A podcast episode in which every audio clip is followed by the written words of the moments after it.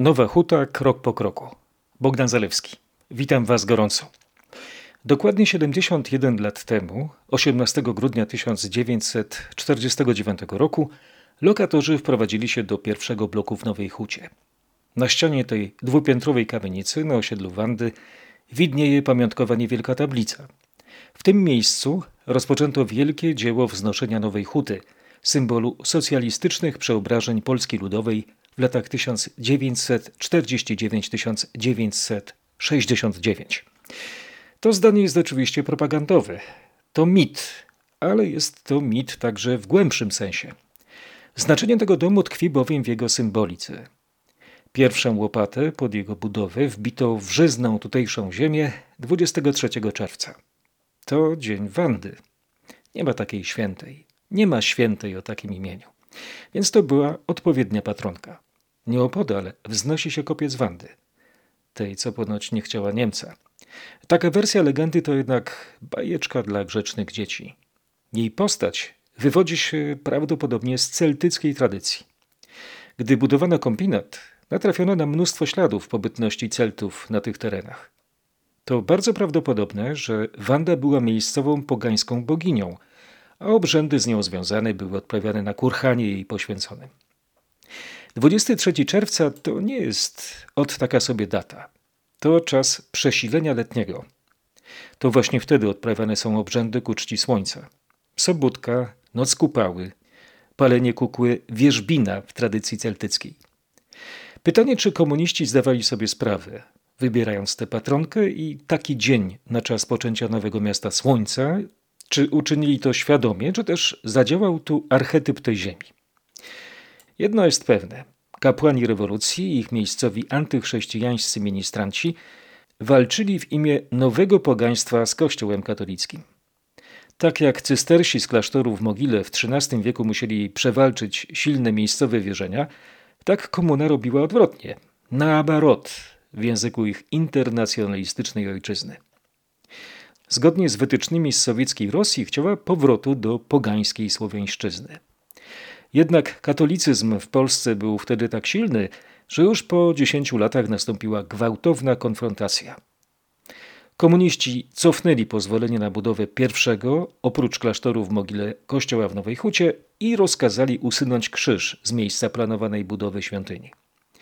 27 kwietnia 1960 roku doszło do zamieszek.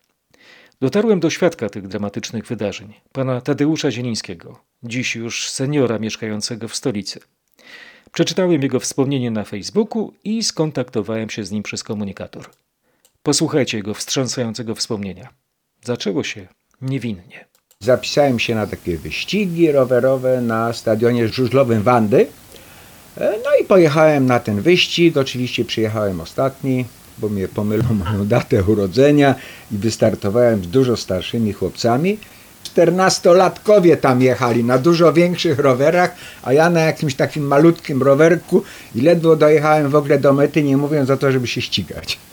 E, no i w takim minorowym dosyć nastroju wracałem sobie do domu, szedłem kosmyrzowską, trochę tak na okrągło e, i skręciłem z kosmyrzowskiej w kierunku Teatru Ludowego.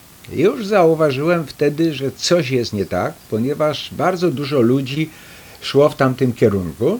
I czym się bardziej zbliżałem do Teatru Ludowego i do tego miejsca, to widziałem, że ten, ilość tych osób gęstniała. To nie był jeszcze tłum jakiś wielki, ale już gęstniała, więc podszedłem tam i tam w okolicach samego tego krzyża, no już było tam osób, nie jestem w stanie nawet powiedzieć w tej chwili, ile tam mogło y, być ludzi. Najpierw były panie, a potem z tego, co słyszałem wieczorem, to już doszli panowie, żeby bronić również swoje panie.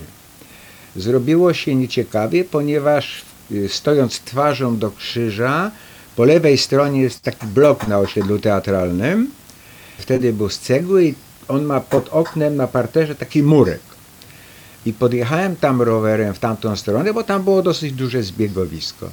I tam na tym murku stał mężczyzna i trzymał się parapetu, a dookoła było mnóstwo ludzi i okładali go takimi drewnianymi palikami, jak to się kiedyś trawniki w Nowej Hucie y, okalało drutem, a potem i wbijało się palki. To były takie paliki długości gdzieś, nie wiem, 60 centymetrów, ale no średnicy gdzieś 7-8 centymetrów. I dla mnie to było przerażające, bo oni go tak tłukli, krew się z niego lała. Ja wtedy nie bardzo y, rozumiałem jakby o co wszystko chodzi, za co go biją i, i w czym jest rzecz. Jak y, widziałem już tą krew na jego głowie, no ja stamtąd uciekłem. No i cóż, wróciłem do domu, coś tam rodzicom opowiedziałem. Rodzice też wtedy jeszcze nie bardzo wiedzieli, bo przecież ani radio, ani telewizja o tym nie mówiły. I jak się położyłem spać, to pod wrażeniem tego, co widziałem, bardzo długo się z boku na bok przewalałem. I wtedy usłyszałem serię z karabinów maszynowych. Podejrzewałem, że to jest związane e, z tą sytuacją, którą widziałem pod krzyżem. Nie było widać w ogóle wtedy, jak ja odjeżdżałem, milicji ani wojska. W ogóle. Podejrzewam, że tam większość to byli cywilni, po cywilu milicja była. No i przerażający był następny dzień. Dziś z mamą chyba wyszliśmy. W powietrzu unosił się zapach gazu zawiącego. E, miasto obstawione było milicją i wojskiem i to nie takim zwykłym, tylko w hełmach stalowych z przewieszonymi przez szyję karabinami maszynowymi. Nie działała komunikacja między Krakowem a Nową Hutą. Widok na ulicach był koszmarny. To, to wtedy właśnie, jak wyszedłem, to zdałem sobie sprawę z tego, co wczoraj widziałem. To punkt widzenia dziesięcioletniego chłopca Tadzia, który ujrzał straszne sceny w epicentrum tej miejskiej bitwy na osiedlu teatralnym. A dokładnie w tym samym czasie przed kombinatem rozgrywały się inne sceny. Grupa pracowników przedsiębiorstwa Mostostal montowała słynny wielki napis Huta imienia Lenina nieopodal centrum administracyjnego, zwanego popularnie Pałacem Dożów, od soc renesansowej architektury, przypominającej budowlę w Wenecji. Wybaczcie prywaty, nie chodzi o żaden lans rodzinny, idzie mi wyłącznie o świadectwo tych dni. Bo jedynym żyjącym mężczyzną z tej grupy jest Stanisław Zalewski. Zbieżność nazwisk nieprzypadkowa. Kiedy prowadzona przez niego brygada wykonywała zlecone zadanie związane ze spodziewaną wizytą pierwszego sekretarza Polskiej Zjednoczonej Partii Robotniczej, towarzysza Wiesława, czyli Władysława Gomułki, z oddali słychać było odgłosy walk, w tym strzały z karabinów. Myśmy tego napisu. Napis musiał być na konstrukcji postawiony jakiejś. Taka konstrukcja była, pomost taki zrobiony i na tym pomoście ten napis był. To dosyć dużo ważyło i całą konstrukcję wykonała Huta Lenina. A Mostasolowi zlecili to jako montaż. No i myśmy to jako Mostasolowcy robili to te cztery dni. A jaka to była duża grupa ludzi? Sześciu nas było. Taka brygada. Nowocześnie to było zrobione. Konstrukcja delikatna. Czyli to nic, nic takiego topornego nie było, prawda? Nie, nie, nie, nie, nie, nie. Cztery podpory robione pod kątem 45 stopni prawie to było. W fundamencie była potężna blacha wstawiona, zalana betonem i dwie takie podpory były przyspawane do blachy. Kto zaprojektował liternictwo? Huta Lenina. Oni mieli swoje biuro projektów i według tej dokumentacji mieliśmy tę konstrukcję stalowo zmontować. Każda litera była oddzielnie. Na czterech nóżkach każda litera była.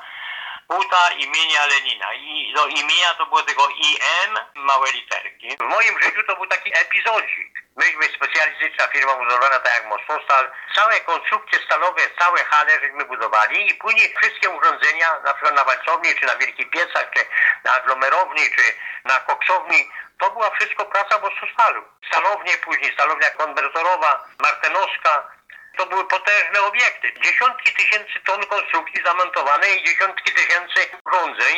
Myśmy budowali potężne obiekty i, i to mi utkwiło bardziej w głowie, jak taki epizodzik przez cztery dni montowany jakiś napis. To było nawet śmieszne, tak bo myśmy się śmiali kuda Lenina. Jak pracowaliście, to, to mieliście jakieś sygnały od swojego kierownictwa, że coś się dzieje, czy, czy po prostu pracowaliście i nikt tam nie ingerował w to? Myśmy nie wiedzieliśmy co się dzieje tam, bośmy tam pracowali, nie, nie wiedzieliśmy co tam. Nie dało się pojechać, bo z kombinatu w ogóle do Krakowa nie kursowały tramwaje. Mieszkaliśmy na Preszowie. Nie mieliśmy dostępu do huty w ogóle. Na drugi dzień myśmy się dowiedzieli dopiero o co tam właściwie chodziło. Tam miał być kościół i jak tam wprowadzili maszyny już tam te koparki, spychacze, zaczęli robić fundamenty pod te szkoły, tak kobiety najpierw przyszły i zaatakowały operatorów koparek. Ci zostawili te maszyny, poszli, to się uspokoiło. Ale milicja na drugi dzień zaczęła atakować, ale to nie mogła dać rady. Gzymsy były przy tych blokach na osiedlu teatralnym, to ludzie te gzymsy wszystkie obili takimi cegłówkami się bronili. Młodzieży tam było z Krakowa, przyjechali studenci, opanowali całą dzielnicową Radę Narodową. Szyby były w całej dzielnicowej Radzie Narodowej rozbijane, dokumenty, wszystko z tych szaf wyrzucali przez okno. O czwartej nad ranem dopiero policja opanowała wszystko. Ludzie się rozeszli do domu, część połapali, część pozamykali, kontrolowali wszystkie mieszkania. Pukali do mieszkań i legitymowali tych ludzi. Jeżeli ktoś tam nie był zameldowany i nie mieszkał, no to go zamykali i koniec. Takie były czasy, no. Świadectwo z roku 1960. Minęła ledwie dekada od postawienia pierwszego bloku w Nowej Hucie. To był głos generacji urodzonej jeszcze przed II wojną światową. Tu w mieście budowanym od podstaw szukali nowych szans. Tymczasem dziesięcioletni Tadzik wydoroślał. Pan Tadeusz Zieliński zaczął pracować w nowochódzkim przedsiębiorstwie i też kopnął go zaszczyt związany z Leninem. Już nie chodziło o napis, a o wielki i słynny pomnik w Alei Róż autorstwa profesora Mariana Koniecznego. A jaką pan Tadeusz odegrał rolę w pamiętnym dniu odsłonięcia monumentu bolszewickiego idola, zbliżał się 17 kwietnia 1973 roku. Pracowałem wtedy w Nowochódzkim Przedsiębiorstwie Instalacji Przemysłowych, w późniejszym Montinie i dostaliśmy takie zobowiązanie, że mamy na tyłach pomnika, mniej więcej na wysokości kawiarni Stylowa, ustawić podesty z podkładów kolejowych. Na tych podestach, ja pracowałem w takim kierownictwie grupy robót, które prowadziło y, prace montażowe wentylacji no i na tych podestach kolejowych mieliśmy ustawić wentylatory, a na tyłach pomnika Lenina był ustawiony rząd wielkich, wysokich na kilkanaście metrów flag. No i zamysł był taki, że jak się będzie ta impreza odbywała tego odsłonięcia pomnika, to zostaną włączone te wentylatory i powiew z tych wentylatorów spowoduje, że te flagi będą łopotały, no i będzie to bardzo pięknie wyglądało. No i myśmy to wszystko zrobili, zamontowaliśmy, wszystko było przygotowane. Oczywiście pilnowane dzień, noc przez milicję, tamte wentylatory. No i potem nas, y, nastał dzień y, odsłonięcia tego pomnika. Od samego rana tak lało i tak wiało, że te wentylatory nikt nie pomyślał, żeby je włączyć, bo te flagi od samego rana łopotały od samego wiatru. Deszcz lał bez jednej przerwy. I tak się skończyła zabawa panów sekretarzy z Komitetu Nowochódzkiego. Pan Tadeusz Zieliński uczestniczył we flagowej propagandowej inwestycji w Nowej Hucie lat 70. Ale minęła kolejna dekada. Powoli w dorosłość zaczęło wchodzić moje pokolenie. Generacja Nowochucian, urodzona w latach 60., która walkę o krzyż znała jedynie z opowieści rodziców i dziadków. Moja babcia Helena była pod krzyżem i dostała przez własny krzyż pałą milicyjną tak, że zwijała się z bólu. Taki komuna urządziła jej Dzień Kobiet, nie 8 marca, a 27 kwietnia. W 80 latach chodziłem do liceum 12 LO imienia Bolesława Bieruta w Nowej Hucie. Patron to wcielone zło, ale szkoła była bardzo dobra. Chodziłem do jednej klasy z Agatą Sanchez Martos, dziś wiolonczelistką krakowskiej filharmonii. W dekadzie lat 80. wrażliwą, subtelną, filigranową dziewczyną, niezwykle pracowitą, bo dzielącą naukę w liceum ogólnokształcącym i w Nowochódzkiej Szkole Muzycznej imienia Mieczysława Karłowicza. Agatka znalazła do nas chwilę pomimo nawału zajęć. Wysłała nam pocztówkę dźwiękową z opisem swoich dawnych przygód. No to włączam stary gramofon z lat 80. Moje wspomnienie z czasów stanu wojennego. Mieszkałam wtedy w Nowej Hucie i miałam 15, może 16 lat. Uczyłam się wtedy w szkole muzycznej w klasie wiolonczeli.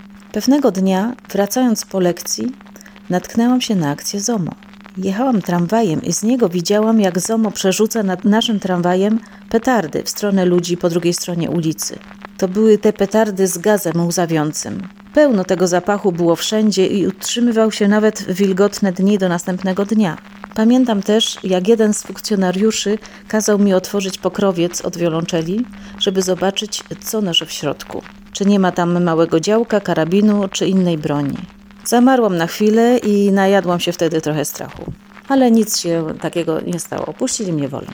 Pamiętam też łąki w miejscu obecnego hipermarketu, a nawet dziwne odgłosy chrumkania, które stamtąd dochodziły. Bo w czasach kryzysu sąsiad z naszej klatki hodował tam świnie. Zwłaszcza wcześnie rano, gdy jeszcze odgłosy miasta były przyciszone, a on przychodził ją karmić, ona bardzo domagała się jedzenia głośnym kwiczeniem.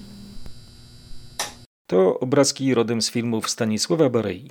Jednak rządy Wrony, jak popularnie nazywano twór zwany Wojskową Radą Ocalenia Narodowego, to nie był najczęściej taki surrealizm. To była przytłaczająca rzeczywistość, zwłaszcza w Nowej Hucie. Ledwie pięć dni temu minęła rocznica wprowadzenia stanu wojennego. Mój przyjaciel Jacek Boroń był działaczem radykalnej organizacji antykomunistycznej, Federacji Młodzieży Walczącej, a jednocześnie kronikarzem tamtych dni. Uwiecznił je na niezliczonych fotografiach, unikatowym świadectwie. Do 81 czy do stanu wojennego kompletnie się nie interesowałem tym, co się działo na zewnątrz. Chyba w, tak, w lipcu dostałem pierwszy swój aparat zmienę od taty na 15 urodziny. No i moje pierwsze zdjęcia, które tak można powiedzieć, takie, taka, taka pierwsza reporterka, to były właśnie z tych strajków listopadowych z zajezdni MPK koło kombinatu. Wiem, że tam pojechałem specjalnie i zrobiłem kilka zdjęć. To w zasadzie tak się zaczęło. Twoje zdjęcia są absolutnie unikatowe. Mam takie jedno przed sobą w tym momencie. To jest rok 1982. No, bardzo gorący okres w Nowej Hucie. Widzimy jakiś transporter opancerzony. 31 sierpień 1982 roku była demonstracja związana z rocznicą powstania Solidarności. Wtedy to pochód kilku tysięcy osób szedł od strony kombinatu, czy z kombinatu, przez plac centralny pod Arkę. Milicja próbowała zablokować ten pochód. Później doszło do starć z milicją. No i tu było bardzo gorąco, bo rzeczywiście jeździły wtedy transportery opancerzone. Ten, który tutaj widać na zdjęciu, jeździł po osiedlu i rozganiał ludzi. Polewaczki, armatki wodne, które też rozganiały ludzi, gazy łzawiące. No i te starcia z milicją, które trwały do późnych godzin nocnych. Ja akurat się wtedy schowałem w wieżowcu, który jest, jest najbliżej ulicy, koło placu w Pińczycach. No i stamtąd robiłem tą swoją zmienną zdjęcia. Po prawej stronie na pewno jest kościół Arkapana. Na przestrzał widać miejsce, gdzie zamordowano Bogdana Włosika, prawda? Koło kościoła Arki jest miejsce, gdzie dwa miesiące później, czyli w październiku, 13 października, został zamordowany, zastrzelony Bogdan Włosik. Symboliczne miejsce dla Nowej Huty. Tam jest teraz pomnik. Tak, jest tam pomnik, natomiast no wiadomo, że tego pomnika nie było przez całe lata 80. Każdego 13 miesiąca ludzie się tam gromadzili, składali kwiaty, palili zniczem, milicja przyjeżdżała i albo rozbijała tych ludzi, pałując najczęściej, albo jeżeli nie dochodziło do takich starć, to kilka godzin po złożeniu kwiatów, świeczek przyjeżdżali, pakowali to wszystko i, i wywozili. SB, który zamordował Bogdana Włosika, pracownika Huty Lenina, no, był nagradzany w tym okresie, prawda? Dopiero po 1989 roku spotkała go. Właściwie symboliczna kara.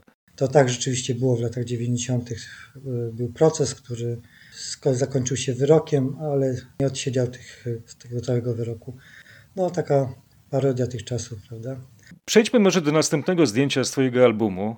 Ja je wybrałem specjalnie z tego zestawu zdjęć, które mi przesłałeś, bo na tym zdjęciu jesteś ty sam, idący Aleją Solidarności obecną, wtedy Aleją Lenina. Z tego co pamiętam, to chyba był 1 maj 1989 roku, kiedy to Solidarność zorganizowała taki wielki pochód z kombinatu aż przez Arkę, Plac Centralny, Arkę aż do Mistrzejowic.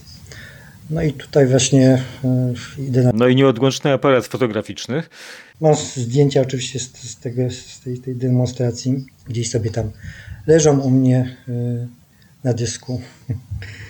I od czasu do czasu je wrzucam na Face'a. Ten sam okres, prawda, też 89 rok i bardzo y, symboliczne wydarzenie w Nowej Hucie, usunięcie Lenina. Usunięcia Lenina domagała się między innymi i zorganizowała demonstrację Federacja Młodzieży Walczącej, do której ja też należałem od 1985 roku.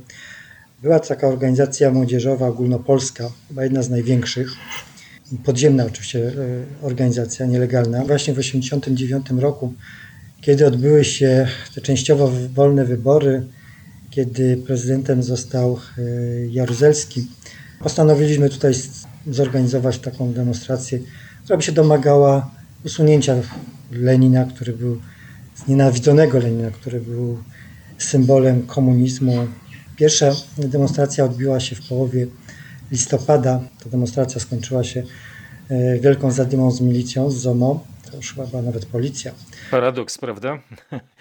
Po, policja w tak zwanym już pokomunistycznym rzekomo niepodległym państwie chroniąca Molocha, który tutaj stał e, w Alei Róż. Za barierą stoją tacy właśnie rycerze Jaruzela, a za nimi w tle postać przywódcy rewolucji, tak zwanej rewolucji październikowej. Tak, to zdjęcie e, jest bodajże z początku grudnia, czy jednej z ostatnich demonstracji. Tych demonstracji było takich ostrych trzy.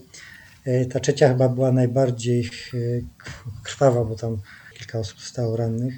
Najbardziej burzliwa i najdłużej trwająca. No i po tej demonstracji tuż przed 13 grudnia podjęto decyzję e, gdzieś tam w Warszawie, nawet powiedział, że nawet w Moskwie, zezwolono i wieczorem, późnym wieczorem ten Lenin został zdemontowany, gdzie na tym zdjęciu, jednym ze z tych zdjęć chyba tak widać. Tak jest. Jest ciemno i taka szara masa na, na linach jest spuszczana ku radości zebranych tutaj ludzi. Tak, ludzi było bardzo dużo. E, no i cóż, e, Lenin odjechał, został tylko cokół, który był rozbierany przez najbliższe następne dni. E, no i tak się skończyła ta historia z Leninem. Mogę być trochę dumny z tego, że brałem udział w, w, w tym częściowym rozmontowaniu, przyczyniłem się w jakiś tam sposób, należąc do, tej, do Federacji Młodzieży Walczącej, że się udało ten, tego Lenina usunąć. Chociaż sam wierzę, że dzisiaj są takie pomysły, żeby go przywrócić.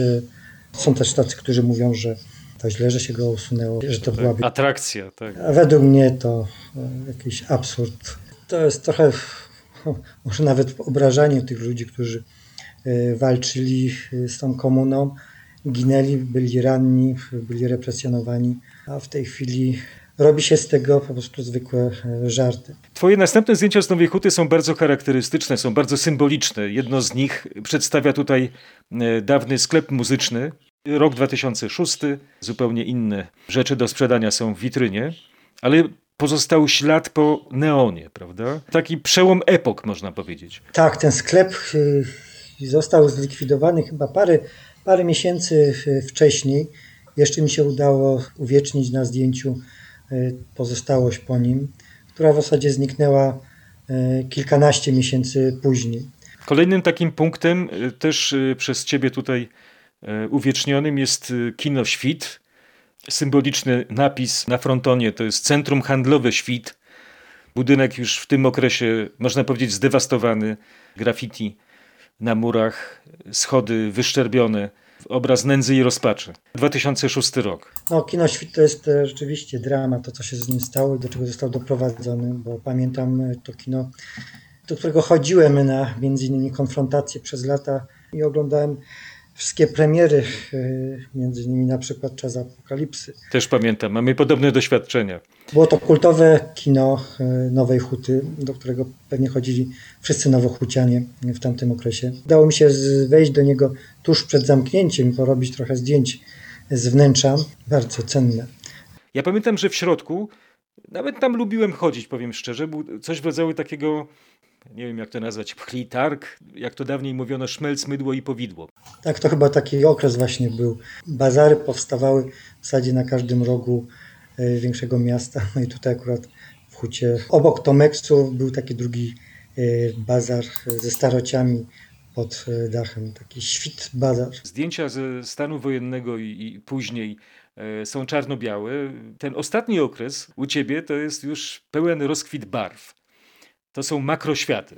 Wiesz, to jest taki y, moment, kiedy mogę się skupić, od, izolować się od takiego świata zewnętrznego, od tego, co mnie otacza, podglądać ważkę, czy robić y, mrówką y, zdjęcia. Czyli ważka to jest teraz dla ciebie ważki temat, tak? Tak, tak, dokładnie. Zagłębiam się w tej chwili w ten świat, który jest niewidoczny z poziomu stojącego człowieka. Daje mi to rzeczywiście w tej chwili takie ukojenie, spokój. Tak górnolotnie to powiem, ale te, te twoje obrazy niby natury, one, one są naprawdę metafizyczne chwilami. No, mam przed oczyma tę ważkę i to jest jakiś fenomen. Rzeczywiście to jest taki dowód na istnienie Pana Boga. Doskonała istota. Tak, myślę, że e, nikt nie mógłby wymyśleć takiej istoty, która jest tak zbudowana i tak funkcjonuje poza Panem Bogiem.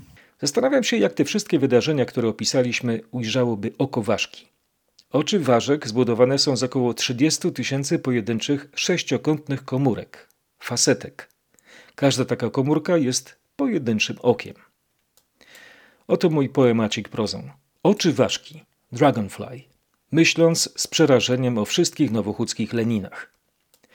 Te wielkie oczy należały do bardzo ważnej ważki, a każde jej oko składało się z dziesiątek tysięcy oczu. A na każde z nich z kolei składały się dziesiątki tysięcy mniejszych i jeszcze bystrzejszych, i jeszcze, i jeszcze, i tak dalej, aż do wyczerpania możliwości podziału.